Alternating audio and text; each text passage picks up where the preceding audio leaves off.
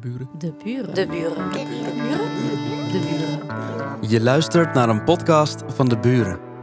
Vlaams-Nederlands Huis voor Cultuur en Debat. Goedenavond. Goeie late namiddag, moet ik eigenlijk zeggen. Welkom. Welkom bij De Buren. Welkom bij Je mag me alles vragen. En aan wie de vragen gesteld worden, dat is vandaag Israël van Dorsten. En de vragen zullen gesteld worden en door mij, Salem Merel Wenselaars, maar ook door het publiek. Voilà. En de afspraak die we hier met elkaar hebben is, we mogen alles vragen aan jou, Israël. En jij hoeft niet op alle vragen te antwoorden. Je mag twee veto's stellen. Ja. Twee. Ja. Normaal zeg ik altijd van, ik, je mag me alles vragen en ik zie wel hoe ik er antwoord op geef. Dus ja, Kijk, ik zal proberen gewoon alles normaal te beantwoorden. perfect. Helemaal goed. En de eerste vraag, die komt eigenlijk niet van mij, maar die komt van, onze vorige, van het vorige gesprek. En Ja? het gesprek was toen tussen Jeroen Olieslagers, de schrijver, en Cesar Majorana. En het is Jeroen die een vraag heeft voor jou. We gaan even luisteren. Dat is een hele grappige brug naar iets anders wat we jou hebben gevraagd toen je hier eigenlijk net binnenkwam. En dat is dat de volgende sessie van dit interviewgesprek, wat ik niet zal presenteren, maar dan is er wel een gast en die eh, heet Israël van Dorsten. Israël van Dorsten is in Nederland echt heel bekend bestseller geschreven ook, omdat hij een van de kinderen van Ruinersworld was. Dat betekent dat hij eigenlijk eh, eh, opgesloten is geweest door zijn vader in een soort fantasiewereld en daar is uitgebroken en op zoek is gegaan naar vrijheid. Ehm, we vroegen jou, heb je een vraag voor die Dan is dat zo meteen de eerste vraag van dat interview. Welke vraag zou je hem stellen? Wil je zelf ooit vader worden, zelf? En heb je daar al over nagedacht? Ja, Israël, dat is gelijk een grote vraag. Ja, mooie vraag ook. Ja, nou, ik kan hem heel kort beantwoorden en dat is ja, dat zou ik zeker willen. Eh, ik kan me voorstellen dat, dat de reden ook van deze vraag is omdat het, ja, als je, door wat ik mee heb gemaakt, dat dat misschien moeilijk is. Maar ik- heb de vraag trouwens ook wel eens wat vaker gehad op dezelfde manier. Mhm. Maar voor mezelf, ik sta er juist eigenlijk zo in dat ik denk van, ik wil juist eh, ervaren en laten zien dat het ook anders kan. Dus dat vind ik juist, juist mooi. hoor. Dat, daar verlang ik ook naar. Dus, ja. Ja. Wat betekent vaderschap voor jou? Hoe kijk je daarnaar? Oeh. Ja. Ik, denk voornamelijk voor mij betekende dat je de kans hebt om, te, om ervoor te zorgen dat je kinderen een, goede start in het leven krijgen. En die kans is ook een verantwoordelijkheid. Dus ja, ik denk dat dat eh, voor mij het voornamelijk betekent. Je hebt broers, je hebt zussen. eh, je, ja, misschien moeten we eerst beginnen bij het boek natuurlijk. Je hebt een prachtig boek geschreven. Heel open ben je over je verleden, over de jaren die je met je broers en zussen hebt doorgebracht op de boerderij. Cesar gaf ons al een kleine schets. Eh, kon je je daarin vinden, in wat hij in die korte samenvatting vertelde over jou en over het boek? Eh, in die audioclips, ja. net ja. hoorden? Mm, ja, best wel. Ja. Het is wel. Het is natuurlijk heel kort, dus het, het beschrijft lang niet alles, maar ja, ik kan me er wel in vinden. Ja.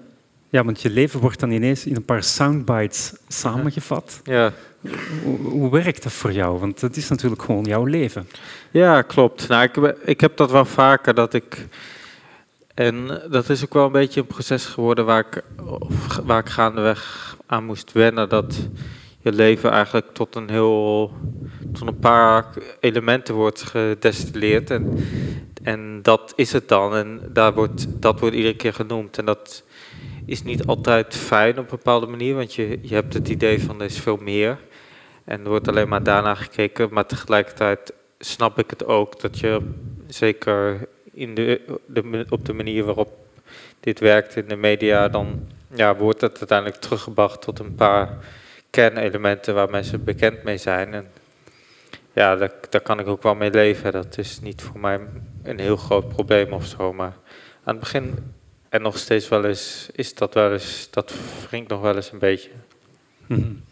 Want hoe verhoudt de schrijver zich tot de persoon Israël? Eh, ja, ik denk dat dat niet heel erg van elkaar los te koppelen is. Maar tegelijkertijd als schrijver kijk ik er misschien iets meer van een afstand naar, naar mezelf en naar mijn eigen leven. Dus zeker toen ik dus echt met dat schrijven bezig was, dan probeerde ik wel ook afstand te nemen van mijn eigen ervaring en mijn eigen positie daarin. En meer te kijken van wat is het belang van dit, dit verhaal, om dit, hoe kan ik dit beter of mooier brengen, of, of mooier in de zin van qua, qua literatuur, qua tekst eh, brengen, zodat het ook goed, ja, dat- zodat de boodschap ook goed overkomt die ik graag wil brengen. Dus het ondersteunt uiteindelijk wel mijn persoonlijke doel, namelijk om iets met dit verleden te doen en hier uiteindelijk dat verleden ook te gebruiken om iets positiefs bij te dragen aan de maatschappij. Maar soms voelt dat wel een beetje vast dat twee kanten zijn. Maar geloof wel dat het elkaar ondersteunt, zeg maar, het schrijverschap en ja, de ervaringen, het, persoonlijke. Mhm. Heb je veel dichterlijke vrijheid genomen? Heb je veel verdicht? Mm, een beetje. Dat, dat heb ik wel heel erg beperkt. Eh, omdat het, ik denk mijn stijl ook wel is om best wel simpel te houden. En niet te, niet te veel ingewikkelde of ja, symbo- symbolische teksten te gebruiken. Maar gewoon heel erg te blijven met zo gebeurde het. En dit voelde ik, dit dacht ik, dit gebeurde er. Maar ik gebruik het voornamelijk bijvoorbeeld in mijn, in mijn eh, proloog.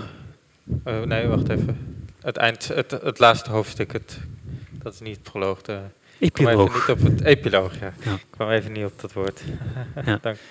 Daar, daar wijk je wel af, bedoel je? Daar ga je wel... Daar gebruik ik wat meer symboliek en zo, omdat ik ja, dat meer toepasselijk vind. Maar in de rest van het boek wilde ik toch wel echt blijven bij heel concreet wat is er gebeurd. En omdat het eigenlijk al best wel wazig is en soms al moeilijk te begrijpen is met die geesten en het hele bijna symbolische wereld die al in ons echt leven gebeurt. Dus als, ik, als je als schrijver dan ook nog eens daar een laag van symboliek overheen gaat gooien, Hm.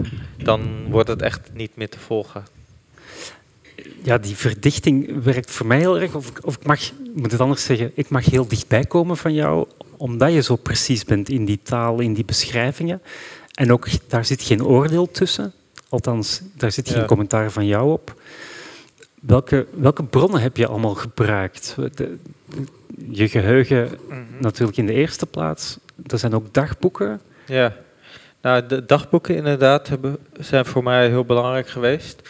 Ik had mijn eigen dagboeken, die stonden allemaal op papier. Dus die had ik, dat was zo'n stapel met papieren die ik allemaal had opgeschreven. Eh, en ik had ook toegang tot de dagboeken van mijn vader. Want hij hield een soort van officieel dagboek bij, wat vanuit zijn geloof dan, waar hij al zijn geloofs, ja, of vanuit zijn geloof alles opschreef, wat het betekende en wat er gebeurde. Dus daar had ik wel veel aan om te weten wanneer wat gebeurde. En het was ook, zeker mijn eigen dagboeken, waren ook een mooi aanhakingspunt om herinneringen weer naar boven te halen. Want heel veel schreef ik niet op. Bepaalde gedachten of gevoelens die ik had, die ging, schreef ik niet op omdat ik dat toen niet durfde te uiten. Want ik wist ook dat mijn vader mijn dagboek ook kon lezen. Maar terwijl ik misschien iets schreef wat helemaal 180 graden anders was dan wat ik dacht, dacht ik dat wel. En als ik dat dan weer las, dan wist ik nog van, oh, toen dacht ik eigenlijk dat, maar ik schreef dat op. En dus ik kon ook wel weer mijn eigen onderliggende gedachten weer terughalen door dat te lezen. En ja, dat voornamelijk. En er zijn ook wel wat andere. Ik heb wel eens af en toe ook met anderen erover gehad. En bijvoorbeeld in het eerste hoofdstuk, daar beschrijf ik dan het geloof van mijn vader heel uitgebreid. Toen ben ik ook wel weer een aantal van zijn religieuze boeken, zeg maar, zijn geloofsboeken gaan lezen, die echt ingingen op wat het geloof inhield. En ging ik dat gebruiken om het ja, ik had het allemaal echt vaak gelezen. Sommige van die boeken heb ik acht, negen keer gelezen in het verleden. Maar toch, als je dan alweer een tijdje uit bent, dan was het voor mij ook niet allemaal meer scherp. Dus ik wilde dat ook weer even terughalen om dat goed te kunnen verwoorden. Ook hoe ik het op, toen ik er nog in zat echt ervaarde. Want ik wil echt, wilde echt terug naar hoe ik het zelf toen geloofde en, en ervaarde. En dat werkte op die manier wel. Ja. Het is een heel complex universum waar jaren aan gebouwd is, aan, aan over nagedacht is door je vader, door jezelf als medium. Maar misschien voor de mensen die het boek nog niet hebben gelezen, is misschien goed om. eh, Kan je ons even meenemen in die wereld? Zoals je dat in het begin, in het Ja. eerste hoofdstuk doet. Ja, eh, ik kan het op, eigenlijk op twee manieren in meenemen. Het ene is vanuit hoe ik het erin opgroeide en het geloofde. En dat kan ik eerst wel even doen. Namelijk, voor ons waren, nou, ik denk dat toch wel een van de belangrijkste kenmerken van het geloof was dat mijn vader ons leerde dat communicatie zowel met God zelf als met geesten absoluut normaal was en er ook dagelijks eigenlijk 24 uur per dag bij hoorde. Dus dat waren een beetje de, de uitgangspunten. Wat betekent dat voor ons nou, verwacht werd dat we heel veel aan gebe- gebed deden. Hij zelf zei dat hij eigenlijk iedere minuut met God praatte en alles wat hij deed aan God vroeg en met God besprak. Maar ook met geesten sprak hij. En daar groeiden wij in op en dat, dat was een soort van het centrum van ons leven. Eh, daar kwam bij dat hij ook veel deed aan allerlei eh, trainingen en opvoeding binnen zijn eigen ja, curric- curriculum, zijn eigen opvoeding, opvoedstijl. en zeker toen we wat jonger waren, was dat hoofdzakelijk wat geloof inhield, wat, hoe ik het ervaarde. Later groeide dat een beetje uit, omdat uiteindelijk later in het verhaal dan is mijn moeder overleden en hij zondert zich steeds meer af van de buitenwereld. En dan krijgt dat steeds een grotere rol, dat hij zich niet meer wil verbinden met die buitenwereld, dus zich daarvan afsluit. Maar ook dat hij heel erg gelooft dat ja, in die geestenwereld allerlei slechte, kwaadaardige geesten zijn die, die de wereld slecht maken. En hij moet die dan overwinnen. Dus dan krijgt steeds meer die geestenwereld een grote rol in ons leven. Want hij, hij is eigenlijk dag en nacht bezig met die geesten te verslaan. En die oorlogen in die geestenwereld te winnen. En daar krijgen wij dan ook een steeds grotere taak. Met name ik zelf ook. Omdat wij werden vanaf mijn elfste werd ik opgeleid, of tiende al, als een soort van medium om die geesten te, met die geesten te communiceren. Dus ja. En tegelijkertijd het andere kant, wat ik dus, wat ook interessant is, is dan niet zozeer hoe wij er opgroeiden, maar hoe hij er zelf in toe is gekomen. En dat is eigenlijk, hij is opgegroeid in een soort van redelijk strenge christelijke omgeving. Daar is hij uitgestapt. Eerst een paar jaar is hij nog, hij is zelfs een paar jaar atheïstisch nog geweest. Tot hij op een bepaald moment realiseerde, ja, er moet toch iets van geloof zijn. En zijn leven eigenlijk helemaal ging wijden om dat te vinden. En toen kwam hij in aanraking met, een, met de verenigingskerk, de Moonsector wordt het ook wel eens genoemd. Ja, en daar heeft hij dus heel veel van dit soort ideeën opgepikt. Want de Moonsector komt uit Zuid-Korea en daar is van oorsprong is shamanisme heel normaal. Dus de communicatie met voorouders, met geesten wordt daar als heel normaal geacht.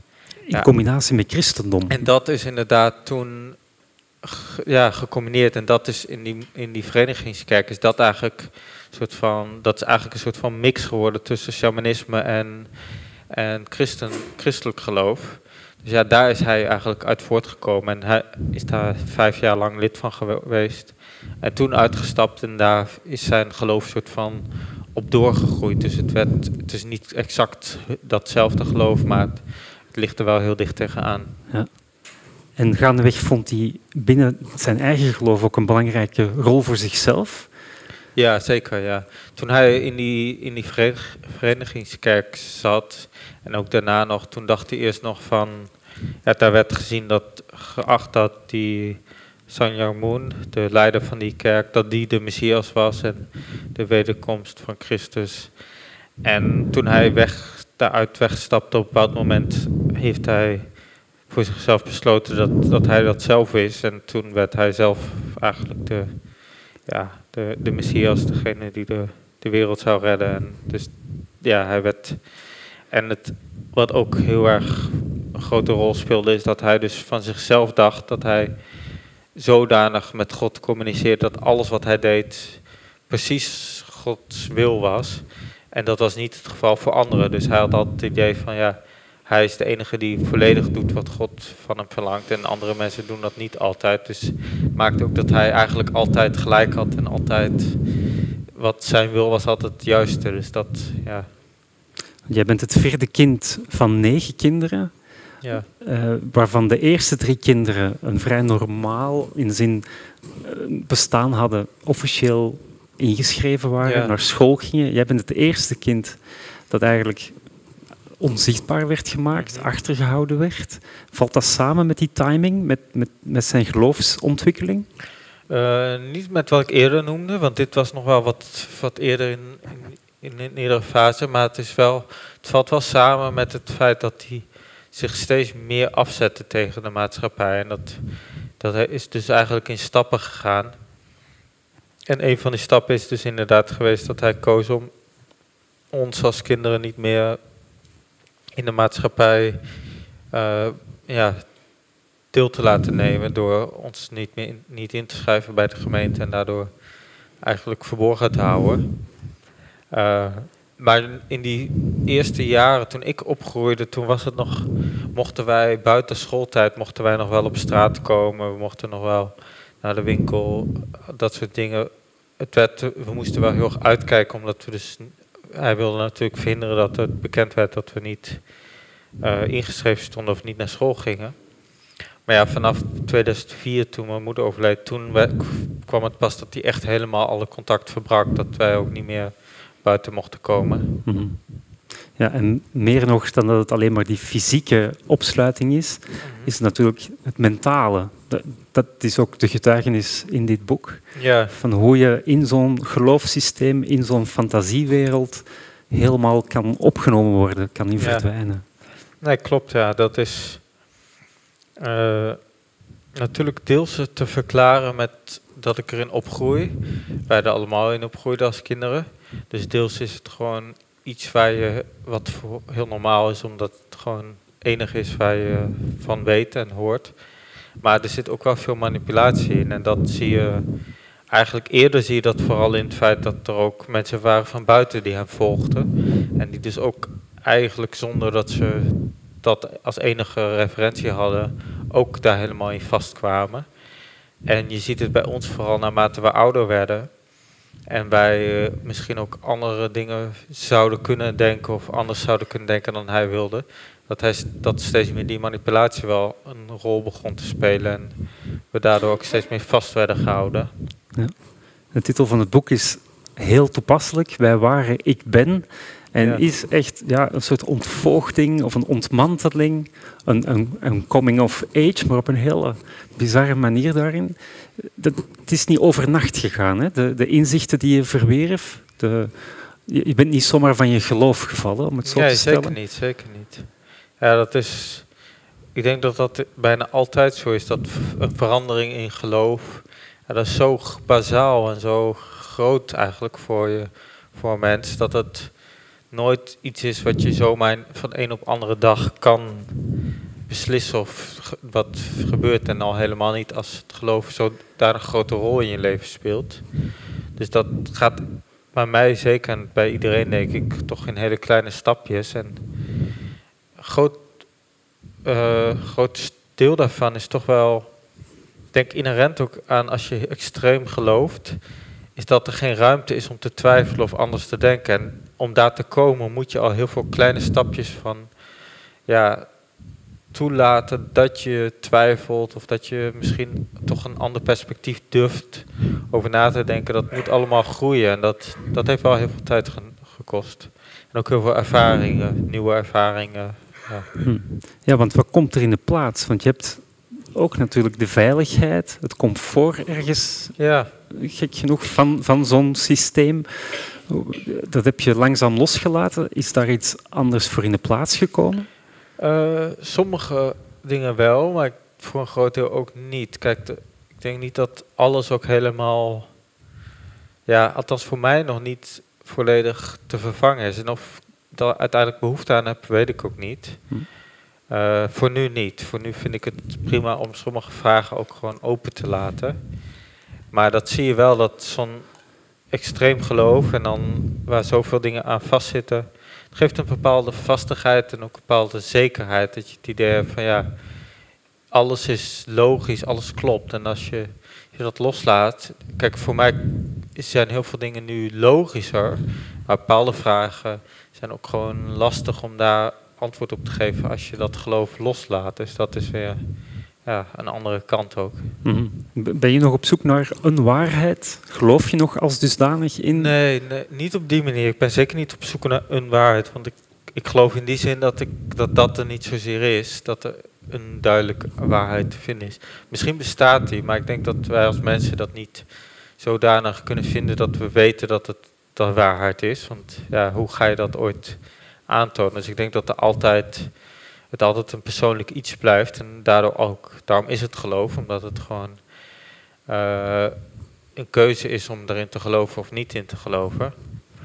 Maar goed, ik sta er voor nu sta ik er vooral zo in dat ik geloof waardeer om het feit dat het hele goede eigenschappen in mensen naar boven kan brengen. Ook negatieve eigenschappen zoals je ziet mijn vader. Maar het kan ook, dat weet ik ook zeker, hele goede eigenschappen naar boven brengen. En dat vind ik heel mooi. Ja. Dus daar, ik sta er vooral op die manier in. Dat ik denk van ja, als je dat eruit weet te halen, dan vind ik dat heel mooi. En als zo, in zoverre als dat voor mezelf is, waardeer ik dat ook. En voor mij is het minder een stukje van ik wil de waarheid weten en daarom wil ik geloven hebben, zeg maar. Ja. En betekent spiritualiteit of religie überhaupt nog iets voor jou? Zeker wel, ja.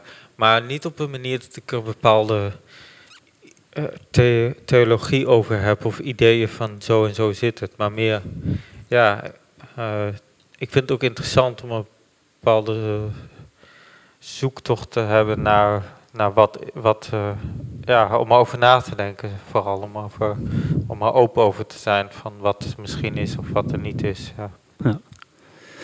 Na hoe gaandeweg je geloofsovertuigingen eh, nou ja, je ontglipte, is er wel die hele harde kut. Is er dat moment dat je definitief over die sloot sprong Ja, eh, en uiteindelijk hulp zocht. Of Mhm. nou ja, hulp vond misschien Ja. eerder. eh, Omdat je al een aantal keren had uitgereikt of had gezocht naar hulp. ja. Ehm, en dan beland je in die andere wereld. Of in die grote wereld. mhm. Ehm, je vertelde de eerste keer dat je naar Amsterdam ging met de trein. Dat liep niet zo heel gunstig af. Nee, helaas niet. Maar ah, ach, het was niet, ook niet zo heel groot. Maar ik was inderdaad voor de eerste keer met de trein naar Amsterdam. Ik was blij dat ik eindelijk... Ik had een weekendreizen abonnement, dus ik kon gratis reizen. Dus daar ging ik ook volop gebruik van maken. Gewoon overal heen waar ik maar kon. Nou ja, voor mij was die vrijheid, dat gevoel dat ik overal heen kon zonder belemmering. Dat voelde zo fijn en zo... zo ja, dat, dat gaf me echt dat gevoel van vrijheid. Ik kan nog gewoon naar een andere stad zonder dat er een obstakels zijn. Maar ik was ook wel heel onnozel op een bepaalde manier over alles. Dus ik was in Amsterdam voor het eerst en ik had mijn tas en mijn jas weggelegd. En even later waren ze weg. Dus toen ontdekte ik ook dat er ook wel wat nadelen zijn aan die grote wereld. Ja, precies. Want daar was je hoopvol over, vermoed ik? Of verwachtingsvol Nou, over? Ja, ik wist het gewoon niet hoe dat is. Ja. Ik had heel veel gehoord en gelezen, dus je, op een bepaalde manier weet je het intellectueel, maar het ervaren, dat is gewoon anders. En dat, dat merkte ik heel erg, hoe de ervaring van die, van een, die wereld zo anders is dan, dan het overweten en dan een bepaald beeld in je hoofd hebben ervan. Dus dat, ja. Ja, want je had natuurlijk doorheen de jaren met periodes toegang tot het internet. Ja. En los daarvan, we hadden best wel wat boeken ook tot onze beschikking die we ook gewoon mochten lezen. Mijn vader keek ook wel veel televisie, later dan via het internet, maar alsnog video's. En in sommige, in bepaalde gevallen mochten wij ook meekijken, dus we zagen ook, hij liet ons veel, veel zien. Ja, ik had radio, luisterde ik later veel, dan, dan hoorden wij dat ook gewoon, dus dat, dat kreeg je ook mee.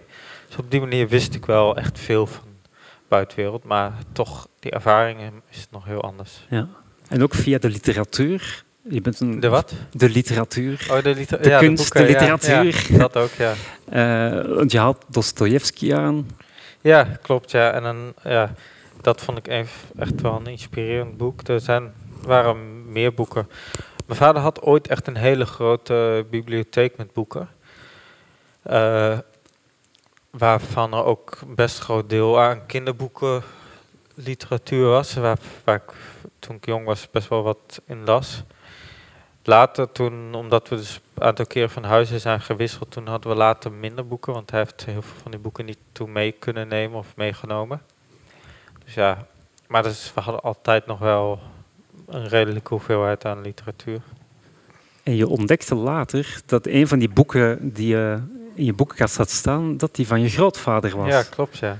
ja. En toevallig ook nog een boek wat ik zelf dan nog mee had genomen toen we van één huis naar een ander gingen. Want ja, het was, dat waren van die momenten dat, het, het kon zijn dat mijn vader zei van ja, dat, dat gewoon het leven ging normaal en opeens kwam die kamer binnen van ja, over een paar uur gaan we weg hier. Pak allemaal een, rugzak met spullen en dan, en dan vertrekken we. En dan had je geen idee als kind natuurlijk waarom, maar uiteindelijk was het dan zo dat hij bang was dat, dat hij ontdekt zou worden of zo. Of, hij vond gewoon bedreigingen van geesten te gevaarlijk. Het kon van alles zijn, maar dan moest, wilde hij ergens anders heen. En, en in dit ene geval had ik toevallig, zonder te weten, dus ook een boek van mijn opa in mijn rugzak meegenomen. Maar dus later, toen ik eenmaal wat ouder was en toen ben ik die link gaan leggen van hey, want mijn vader had wel eens verteld over mijn opa, Johan van Doorsten. Maar ik had nooit, ik had nooit goed die link gelegd tussen, hey, dat is dan ook de schrijver van het boek. En dat, op een bepaald moment ben ik me dat gaan realiseren. En het was veel later, toen ik weg, echt weg was, de laatste een paar jaar geleden. Toen pas realiseerde ik me dat het eigenlijk wel heel bijzonder was dat ik dat boek dan ook mee had genomen. Ja. Dus het schrijverschap zit in de familie. Je- Ja. Je, grootvader is ook een veelschrijver geweest. Ja, klopt. Ja. Hij heeft, ik weet het zo niet precies, maar een stuk of vijftig boeken geschreven. Ja. Allemaal van die streekromans. Wat, ja. hij, hij had een beetje zo traditie om gewoon iemand te kiezen uit zijn streken. Een, een boer of een bakker of een slager of bepaalde, iemand die een bepaalde functie had in, die, in, de, in, de, ja, in het dorp of, de, of het platteland of wat dan ook. En dan vanuit daaruit een boek te gaan schrijven. Dus het zijn heel veel van die boeken vanuit een, ja, een personage die, die, dan, die hij heeft, had meegewerkt. Ruim, ja, wat zal het zijn, 50 jaar geleden of misschien 70 jaar geleden, zoiets.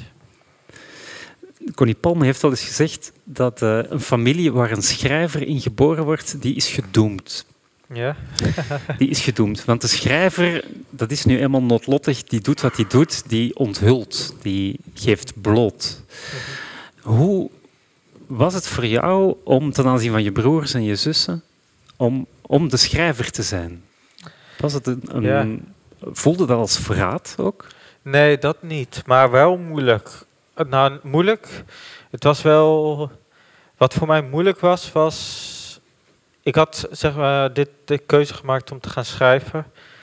Eh, en vooral het, uiteindelijk de keuze om het uit te gaan geven, want schrijven deed ik al wel veel langer. Zonder dat ik direct daarin heel erg rekening wilde houden met mijn familie. Eh, behalve dat ik dan wel al vanaf het begin had bedacht, ik hou het echt bij mezelf. Maar op een bepaald moment was wel voor mij, ja, mijn belangrijkste, voor mij het belangrijkste was wel dat, dat mijn familie zich er goed bij zou voelen en het zou ondersteunen. Dus ik had ook zoiets van, stel ze zou echt met goede reden dat niet achter staan, dan ga ik het ook niet uiteindelijk publiceren. Dus ik had ook gezegd van, ik wil het eerst, ik wil dat zij het allemaal eerst gelezen hebben voordat naar buiten toe bekend wordt dat, dat dit boek er gaat komen. Was wel een beetje ingewikkeld, want ik moest dus eerst, ik had het manuscript en toen hadden we was ik al bij de uitgever geweest. En ja, ik wilde wel eerst een redelijk definitief versie hebben voordat ik dat aan mijn broertje en zusjes liet, broertje en zusjes liet lezen. Het heeft ook geen zin om een manuscript die nog helemaal gaat veranderen, om dat op te sturen. Maar ik wilde ook niet bekend maken naar buiten toe dat het boeken kwam als zij niet akkoord waren. Dus, uiteindelijk hebben we dat wel voor elkaar gekregen. En, eh, het ik was vooral heel erg positief verbaasd, want uiteindelijk waren er alleen maar heel veel complimenten en, en eigenlijk niemand had echt eh, dingen waarvan ze zeiden van dit mag niet of dit kan niet. Er waren wat kleine puntjes van, van waar ik wat moest aanpassen, maar dat was echt heel klein. Dus dat ja, Mhm.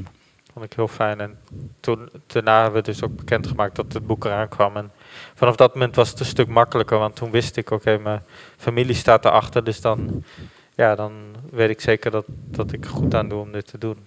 Je houdt het ook heel bewust zuiver tot jouw eigen verhaal, jouw eigen perspectief.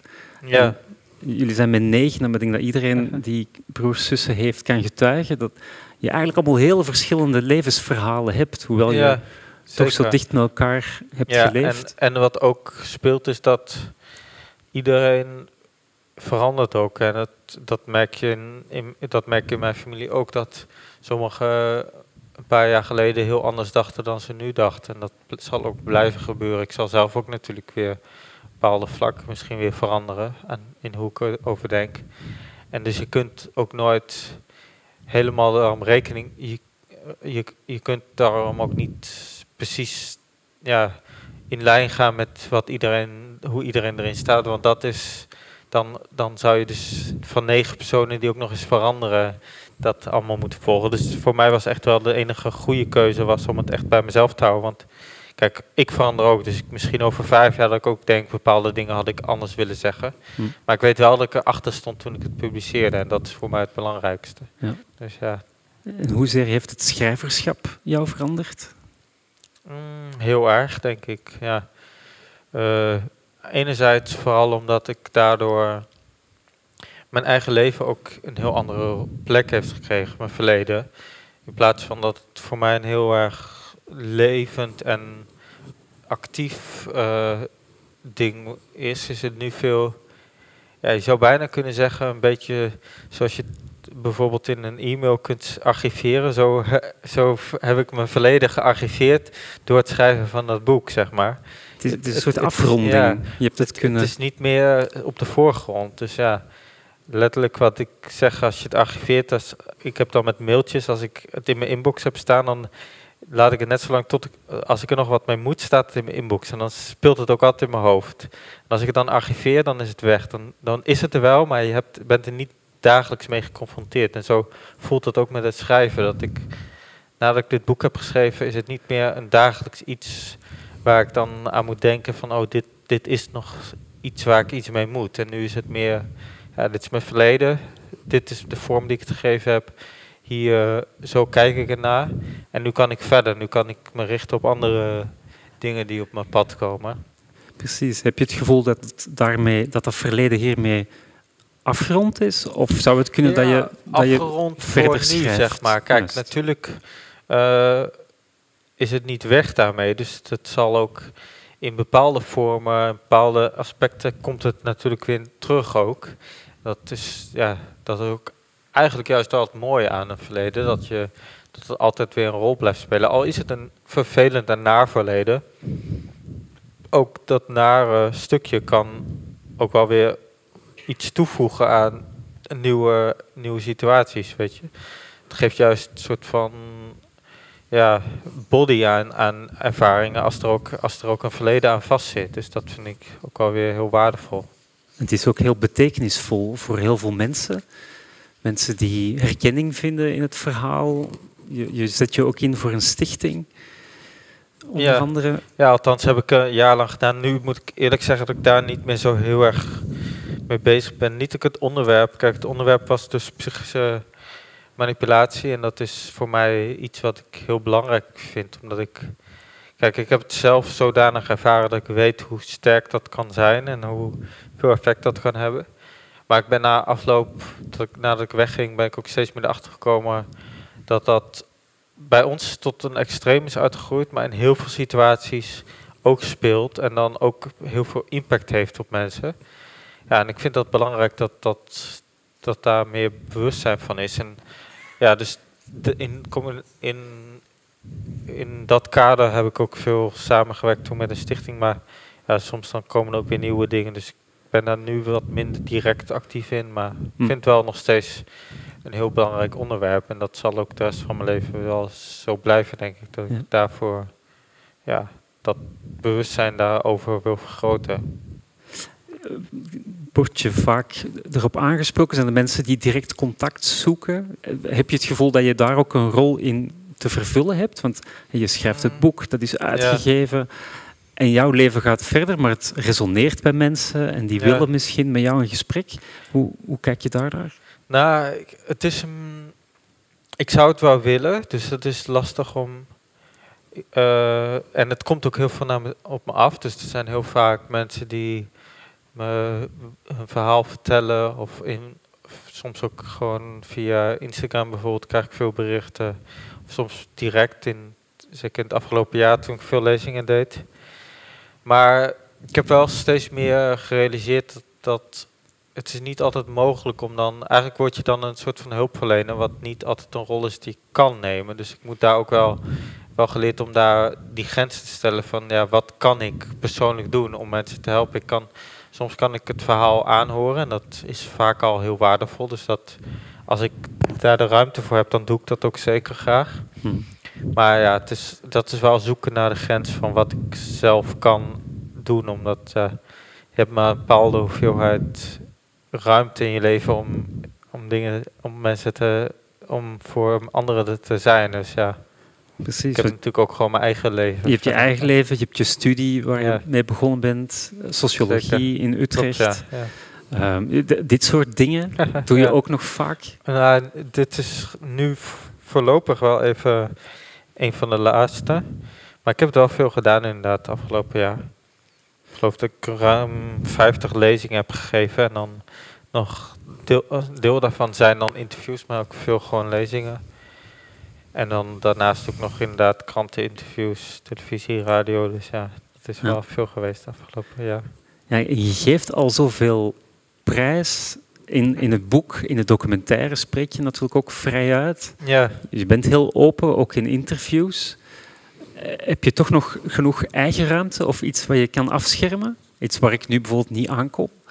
Ja, nou kijk, er zijn zeker dingen die, die, die van mezelf zijn, maar mm, ik ben er ook niet zo heel moeilijk in, in de zin van, ja, ik heb nooit het idee gehad, ik heb niet het, de ervaring dat ik nou in mijn persoonlijk leven er heel veel last van heb om open te, als ik open ben. En eigenlijk ben ik ook wel een beetje van mening dat daar vaak een beetje te veel nadruk ligt op, je moet je wat privé is beschermen of weghouden van buiten. Het is logisch, want er wordt natuurlijk ook wel veel narigheid eh, over anderen verteld en, en gepraat en van alles. Dus dat creëert ook een soort van gevoel bijna in de maatschappij van je moet je afsluiten daarvoor en Hm. niet te veel blootgeven.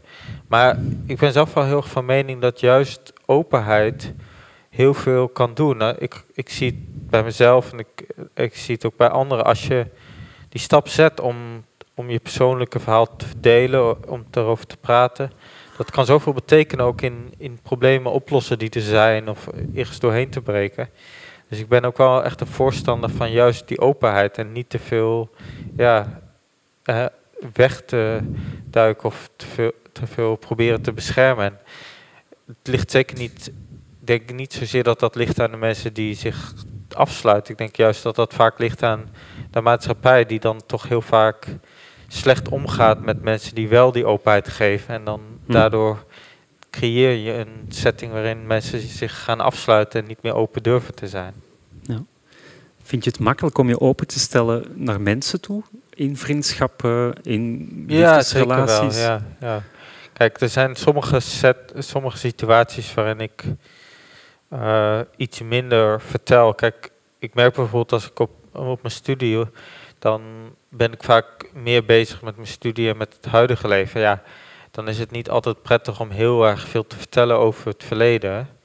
Maar ook daar, ik ben er gewoon open in. Als mensen naar vragen, geef ik ook gewoon antwoord. En ja, dus dat is wel voor mij niet een ding dat ik, daar dat, ik dat soort van af probeer te schermen. Nee, omdat je natuurlijk in de afgezonderde leven tot je 25 ook moeilijk of geen vriendschappen als dusdanig kon Ja. ontwikkelen. Hoe, is dat iets wat dan heel makkelijk gaat, wat vanzelf gaat? Iets wat je natuurlijk afgaat? Of heb je daar Ja, nog moeten best leren? Wel. Ik heb wel moeten leren, op bepaalde vlakken. Dus Dat zeker. Eh, wat ik voornamelijk, wat voornamelijk tijd nodig had, is te wennen aan hoe dat werkt, zeg maar in de praktijk.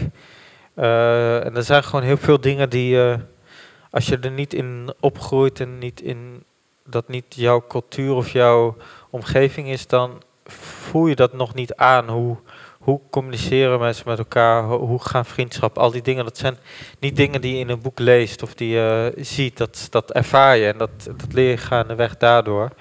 En dat heb ik dus moeten inhalen. Ik denk dat ik het voordeel heb dat ik daar best wel goed in ben, gewoon qua karakter, om, om dat op te pikken. Waardoor ik dan ook snel in meekwam. Kom altijd.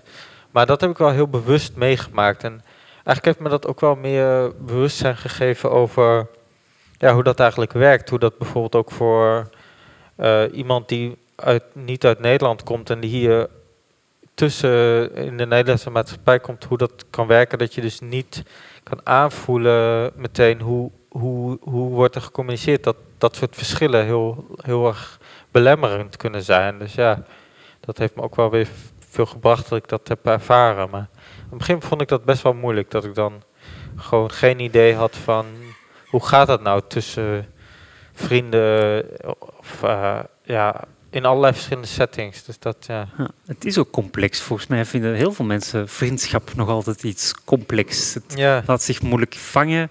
ja. Je mag er niet te veel van verwachten. Het is heel voorwaardelijk, vriendschap. Spreek me tegen als je het er niet mee eens bent. Ja, en het verschilt ook zo enorm tussen verschillende omgevingen. Als je, ja, als je dat op de universiteit bijvoorbeeld, merk ik ook weer, dat is weer heel anders dan. Ik woonde daarvoor een half jaar in Friesland en helemaal in het noorden de- van Nederland. En dan eh, op het platteland. En daar gaat ook weer alles heel anders. En, ik heb een tijdje een filmopleiding gedaan in Amsterdam. En dat ook daar de setting is weer anders. Dus je merkt ook wel hoe groot de verschillen zijn tussen verschillende omgevingen in hoe, dat, hoe mensen met elkaar omgaan of hoe de, wat normaal wordt geacht en dat soort dingen.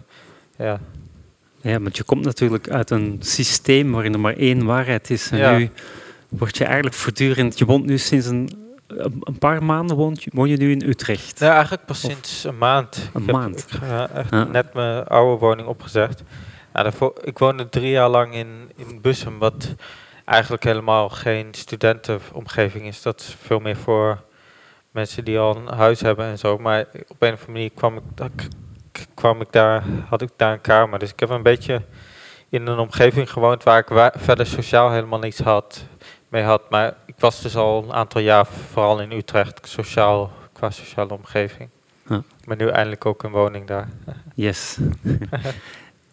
Ja, dat, dat, is toch wel echt de vraag die, die bij mij opspeelt van hoe, hoe werkt liefde voor jou? Is, daar heb je ook je eerste stappen in gezet? Of Ja. daar zet je je eerste stappen in? toevallig eh, ben ik nu sinds een maand weer helemaal verliefd. Dus ik heb nu sinds een maand een relatie. Alright. Ah, Ja, geweldig. ja, het is voor mij niet het eerste keer, want ik heb al wel eerder ook een relatie gehad, dat ongeveer een half jaar, maar dat liep uiteindelijk niet zo goed. Dus heb ik uiteindelijk, eh, ben ik uiteindelijk mee doorgegaan.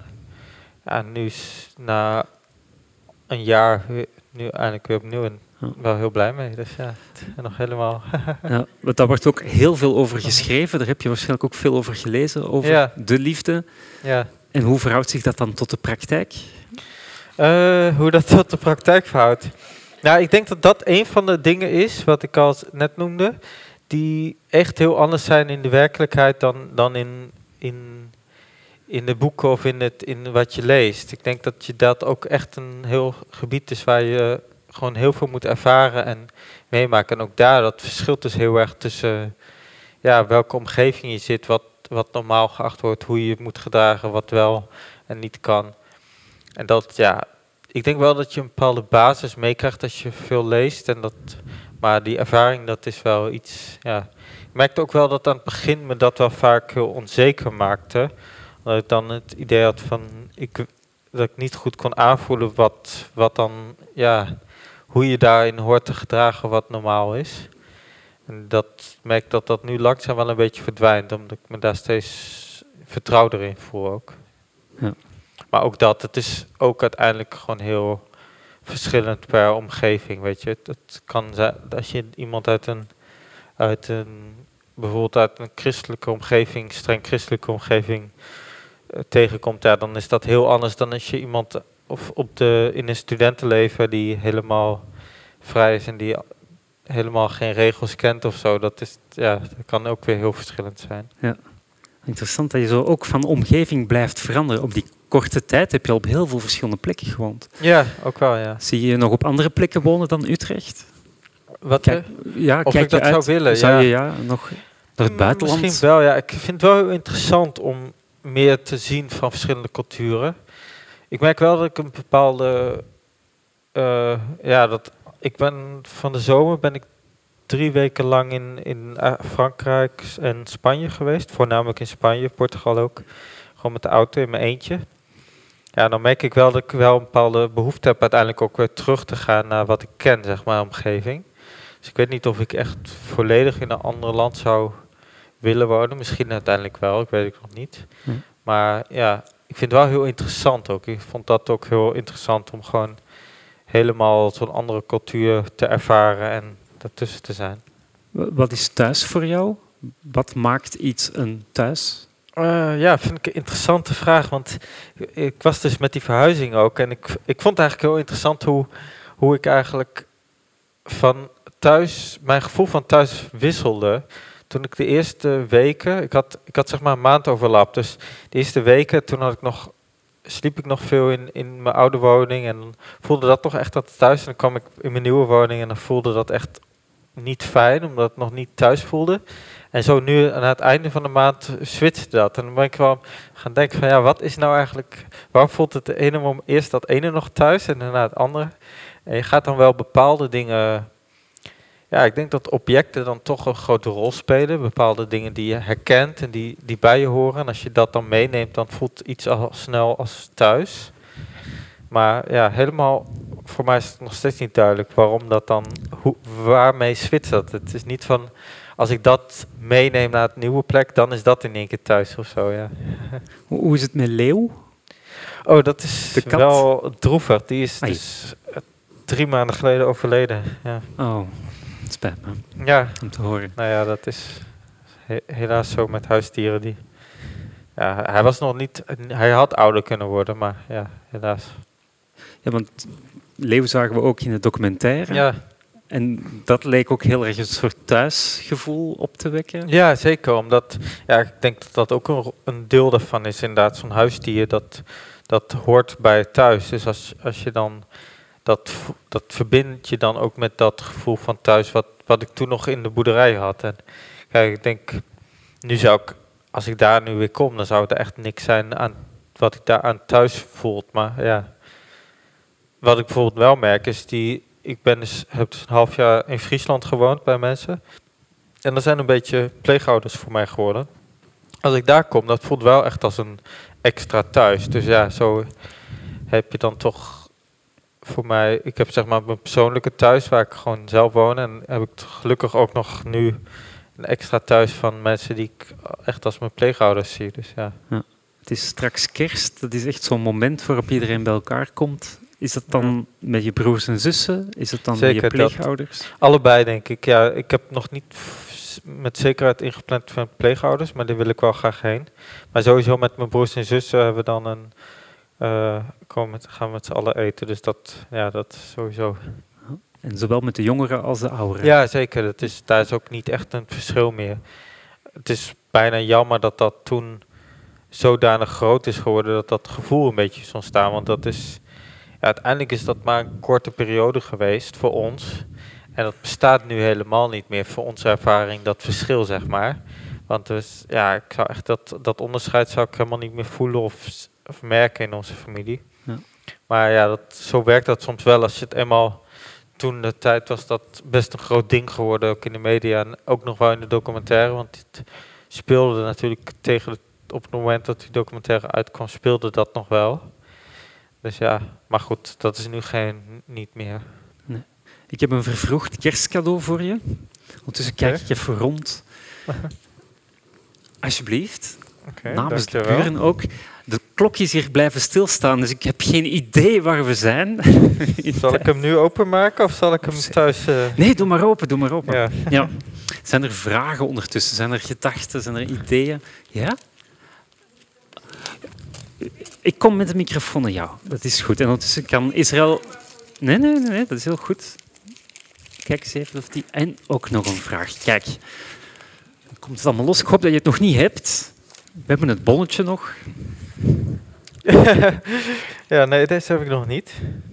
Ken je, ken je hem? Ik heb een boek gegeven van Edouard Louis. Uh, hem Veranderen niet, nee. methode. Ken je niet? Ik zal even kort schetsen waarom ik het boek heb gegeven. Edouard Louis uh, komt uit Noord-Frankrijk, is een schrijver die zijn achtergrond heeft achtergelaten, die zich ontworsteld heeft uit een bepaald milieu, uit een Ja? uh, ja, armoedige omgeving, kansarm in het noorden van Frankrijk. En nou ja, hij heeft een aantal keer, en daar schrijft hij in dit, in dit boek specifiek over, heeft hij in twee fasen in zijn leven afstand genomen. Eerst is hij naar Amiens verhuisd, wat dan de grote stad was voor hem, -hmm. om zich te ontworstelen. Hij, hij schrijft over verraad, het gevoel dat hij zijn familie heeft achtergelaten, maar ook in Amiens, de mensen dat hij daar vindt, ook hen zal hij verraden. En hij trekt naar Parijs om daar de intellectueel te worden en de schrijver die we nu allemaal kennen. Oké. Om maar te zeggen ja. hoe bepaalde patronen of bepaalde verhaallijnen soms zo ongelooflijk universeel kunnen zijn. Ja. Ah bah oui. Vous connaissez, monsieur. Dankjewel. Alsjeblieft. Ik denk dat misschien toch wel het belangrijkste advies wat ik zou kunnen geven is dat dingen enorm kunnen veranderen met de tijd. En dat is, ja, hoe zou ik dat zeggen? Toen ik net wegging, toen voelde het echt alsof alles altijd zo zou blijven. Ook bijvoorbeeld het, het conflict of het schisma wat ontstond tussen mezelf en de, mijn oudere broers toen ook en, en de jongeren. Of dat wat nog heel veel door de invloed van mijn vader kwam. Ja, dat soort dingen, de hele, hele situatie, dat voelde van, ja, dit gaat nu de rest van mijn leven zo zijn. En dat, als ik er nu op terugkijk, denk ik van, dat was eigenlijk heel kort. Het heeft anderhalf jaar geduurd en toen was dat allemaal helemaal niet meer aan de orde. En nu kan, kunnen we ons eigenlijk als familie niet eens meer voorstellen dat er dat soort oneenigheid zou bestaan of verschil in mening. Dus dat, die visie, dat dat zo enorm kan veranderen, dat is wel iets wat ik denk dat belangrijk is om mee te geven. Want kijk, specifiek hoe het gaat veranderen en wat daarvoor nodig is, dat is heel persoonlijk, denk ik. Maar dat het kan veranderen, dat, dat is gewoon, als je erin zit, gewoon heel moeilijk te zien. Maar dat, nou, dat, ja, dat gebeurt wel. Nou. Dus dat. Er is nog een vraag, ja.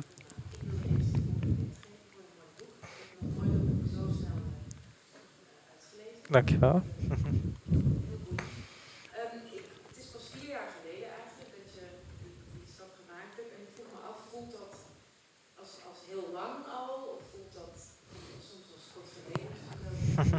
Ja. En een beetje aansluitend daarbij, heb je een gevoel van, van haast, van je moet nog zoveel inhalen. Ja, uh, die eerste vraag, dat is eigenlijk allebei wel. Als ik terugdenk, zie ik denk ik vooral van, oei, er is echt zoveel gebeurd voor vier jaar. Dat als ik dat vergelijk met vier jaar daarvoor, dan is het echt enorm wat er allemaal in de afgelopen vier jaar is gebeurd. Uh, tegelijkertijd denk ik dan terug en denk zo, zo kort eigenlijk nog maar dat, het, dat ik daar weg ben. Dus dat, dat is toch wel een beetje mijn gevoel. Uh, als ik terugdenk aan hoe het leven was voor die tijd in de boerderij, dan voelt dat ook wel weer heel ver weg. Dat ik denk van, ik kan me bijna niet meer voorstellen nu dat ik daarin zou zitten, dat ik dat leven zou leiden of dat, dat, dat ik dat was. Ik, als, ik, als ik zeg maar niet heel veel al die bewijs zeg maar, zou hebben dat het zo was, dan zou ik wakker kunnen worden en, en denken dat ik dit gedroomd heb of verzonnen heb of dat het allemaal niet echt was. Dus zodanig ver weg is het bijna, zeg maar. Ja, het andere, ik heb dat gehad, een tijd lang, best wel sterk. Dat ik dat gevoel had van ik wil dingen inhalen, ik moet dingen inhalen. Eh, en daar ben ik ook wel bewust mee bezig geweest. Ik heb uiteindelijk ook met psycholoog eh, over gehad. Eigenlijk omdat dat me juist heel erg belemmerde. En voor mij is toen de conclusie wel heel belangrijk geweest dat ik realiseerde dat ook in gesprekken met psychologen en therapeuten, dat als je bezig bent met inhalen, dan leef je eigenlijk je leven niet. En dan ben je dus eigenlijk niet aan het inhalen. Terwijl als je gewoon bezig bent met je leven en je leven leeft, dan haal je pas echt dingen in. Dus als je dat gevoel maar steeds hebt, dan, dan eigenlijk doe je dan verhinder je juist wat je eigenlijk wil. Namelijk dat je gewoon je leven leeft en daardoor dingen inhaalt, zeg maar. Dus ja, dat. En je hebt een bestseller geschreven voor je 30. Ja, Dus ja, eh, toch? Ja, dat, eh, die, die kan je alvast. eh er is nog een vraag. dat is wel ingewikkeld. Ik heb hem nu 2,5 jaar of zo. Iets, twee jaar, ik weet even niet. 2,5 denk ik niet meer gezien. En dat is eigenlijk omdat ik gewoon niet goed weet hoe ik wat moet met, eh, met mijn eigen emotie daarin. Ook wel een beetje omdat ik hem niet, ja, het bepaalde manier niet gun.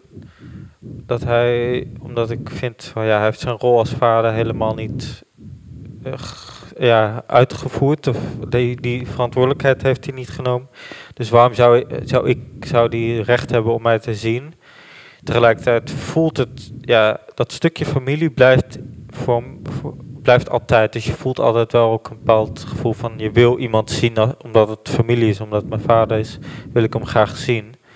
Dus dat, dat conflicteert en daaruit komt dan toch een beetje die, dat conflict van emotie en gevoel van wat, wat wil ik, hoe voel ik dan en wat wil ik dan als ik hem zie. Dus dat is gewoon te ingewikkeld op dit moment dat ik daar besloten heb om hem dan maar niet te zien. En misschien op een bepaald moment als ik iets verder er vanaf ben, qua tijd ook, dat ik dan wel hem nog weer ga zien, dat weet ik nog niet, maar voor nu niet. Ja, je hebt zoveel losgelaten, zoveel moeten loslaten, dat verleden. Maar zijn er ook dingen die je toch ook wel echt meeneemt, die je, die je koestert? Eh, ja, ik denk het best wel veel dingen. Nou, sowieso het, de band met mijn familie. Ondanks alle ellende, ja, creë- hebben wij door de manier waarop wij allemaal met z'n allen toch wel hetzelfde hebben meegemaakt, hetzelfde verleden, hetzelfde dingen hebben ervaren, creëert dat juist ook een hele sterke band. Dus dat stukje met mijn broers en zussen, dat neem ik zeker mee. Maar ik, neem- ik waardeer ook wel bepaalde dingen in de opvoeding van mijn vader.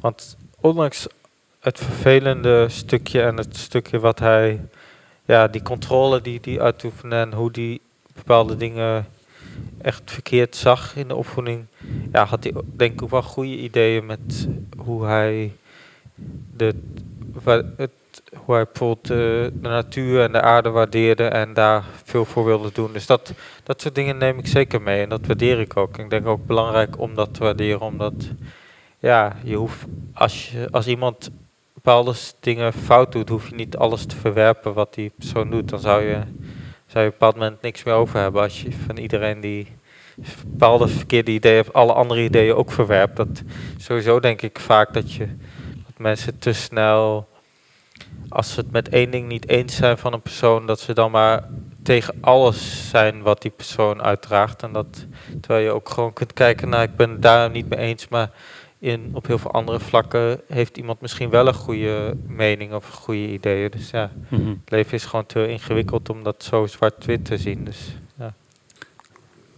Een heel grote vraag. Kan je hem vergeven? Persoonlijk wel, als ik het heb over wat hij mij heeft aangedaan. Waar ik het vooral lastig mee heb, is dat, dat het dingen zijn die, ja, die hij ook mijn broertjes en zusjes heeft aangedaan. Maar ook gewoon vanuit het perspectief van dat ik denk van als vader kun je het hem vergeven dat hij dit als vader heeft gedaan. Dat, dat toch niet eigenlijk, omdat ik daar ook wel in de knel kom met als ik hem dat vergeef, dan accepteer je op een bepaalde manier ook dat een vader dit mag doen. En dan denk ik dat je dat nooit helemaal kunt. Dus op die manier vergeven niet. Maar ik zou het hem wel, ja, ik heb niet, ik heb geen wrok of zo voor wat, ik, voor wat mij gebeurd is. Ook, misschien deels ook omdat ik nu ja, eigenlijk een best goed leven heb. Dus ik heb niet het idee van mijn leven is volledig verpest door dat dit gebeurt. is natuurlijk is het jammer dat ik die al die jaren niet heb kunnen ervaren zoals ik het gewild had. Maar dat is niet meteen dat daardoor mijn leven nu heel slecht is. Dus ik heb geen wrok of zo. Maar, maar ja. Je zegt het op een bepaald moment in het boek. Waarom, waarom, waarom? Ja. Heb je daar een antwoord op? Of zoek je nog naar een antwoord? De grote waarom? -vraag? Nee, nee, kijk, ik zie dat een beetje als je hebt het stukje. mm, ja, je zou het kunnen analyseren. Je zou allerlei logische redenen kunnen noemen die daaraan bij hebben gedragen. Maar toch, ergens blijft het altijd een waarom, omdat je uiteindelijk, ik denk dat je nooit volledig kunt verklaren waarom iemand keuzes maakt of dingen op een bepaalde manier doet. Dus dat blijft gewoon open. Ik denk dat dat nooit helemaal te verklaren is. Maar ik vind het wel interessant en ook belangrijk om wel te kijken naar wat heeft eraan bijgedragen, wat heeft hem gestimuleerd om juist die, die richting uit te gaan of juist niet. Dus dat wel. Mhm.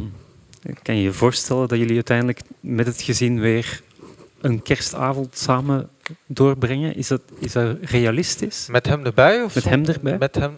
Nee, ik denk niet dat dat realistisch is. Nee. Ook omdat hij daar gewoon, ja, hij gaat gewoon niet zodanig mee veranderen. Dat geloof ik gewoon niet. Dat hij, daarvoor is hij eigenlijk gewoon ook te oud en te vast. Als iemand gewoon te, te lang een bepaald extreem geloof aan heeft gehangen. En dan, zeker als je wat ouder wordt, dan ga je...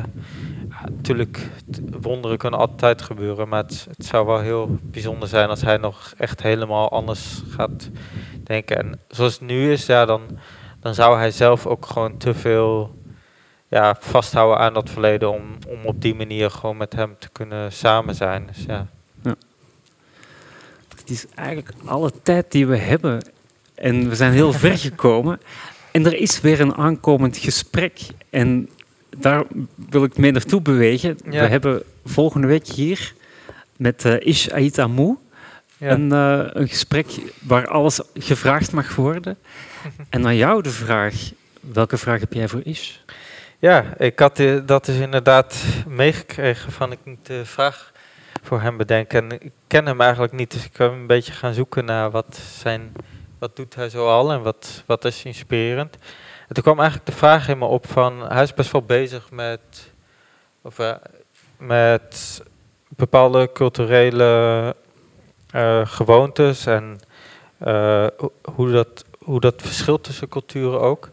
En ja, wat ik interessant vind en waar ik ook al wel vaak over na heb gedacht is, mijn eigen situatie komt toch wel veel voor uit, voort uit ook hoe de maatschappij daarmee om is gegaan. Hoe, hoe het mogelijk was dat mijn vader zich zo afzonderde, dat niemand dat doorhad, doordat er ook niet, ja, doordat er toch in Nederland wel een cultuur heerst van wat achter de voordeur gebeurt is privé, dus daar bemoeien we ons niet mee. Dus ik vond het wel interessant eigenlijk van hoe zou dat zijn in, in hij komt uit de Marokkaanse cultuur, hoe zou dat daar zijn? Zouden mensen daar eerder kijken van wat er speelt er binnen een, een gezin, een ander gezin die, die ergens woont of in, het, in de omgeving? Ja, zou dat op dezelfde manier kunnen ontstaan, zo'n situatie dat je volledig buiten die samenleving leeft? Zou dat daar ook kunnen ontstaan? Dat vond ik wel een interessante vraag voor hem. En Ik dat weet niet of, ik, of die daar een antwoord op kan geven, maar dat... ik vind het een hele mooie vraag. En daarmee maak je ook een hele mooie brug. Dank je wel, Israël van Dorsten. Dank jullie wel. Fijne avond. Dankjewel. De buren. Je luisterde naar een podcast van De Buren. Vlaams-Nederlands Huis voor Cultuur en Debat. Benieuwd naar meer? Luister ook naar onze andere verhalen en registraties. En ontdek ons podiumprogramma op deburen.eu.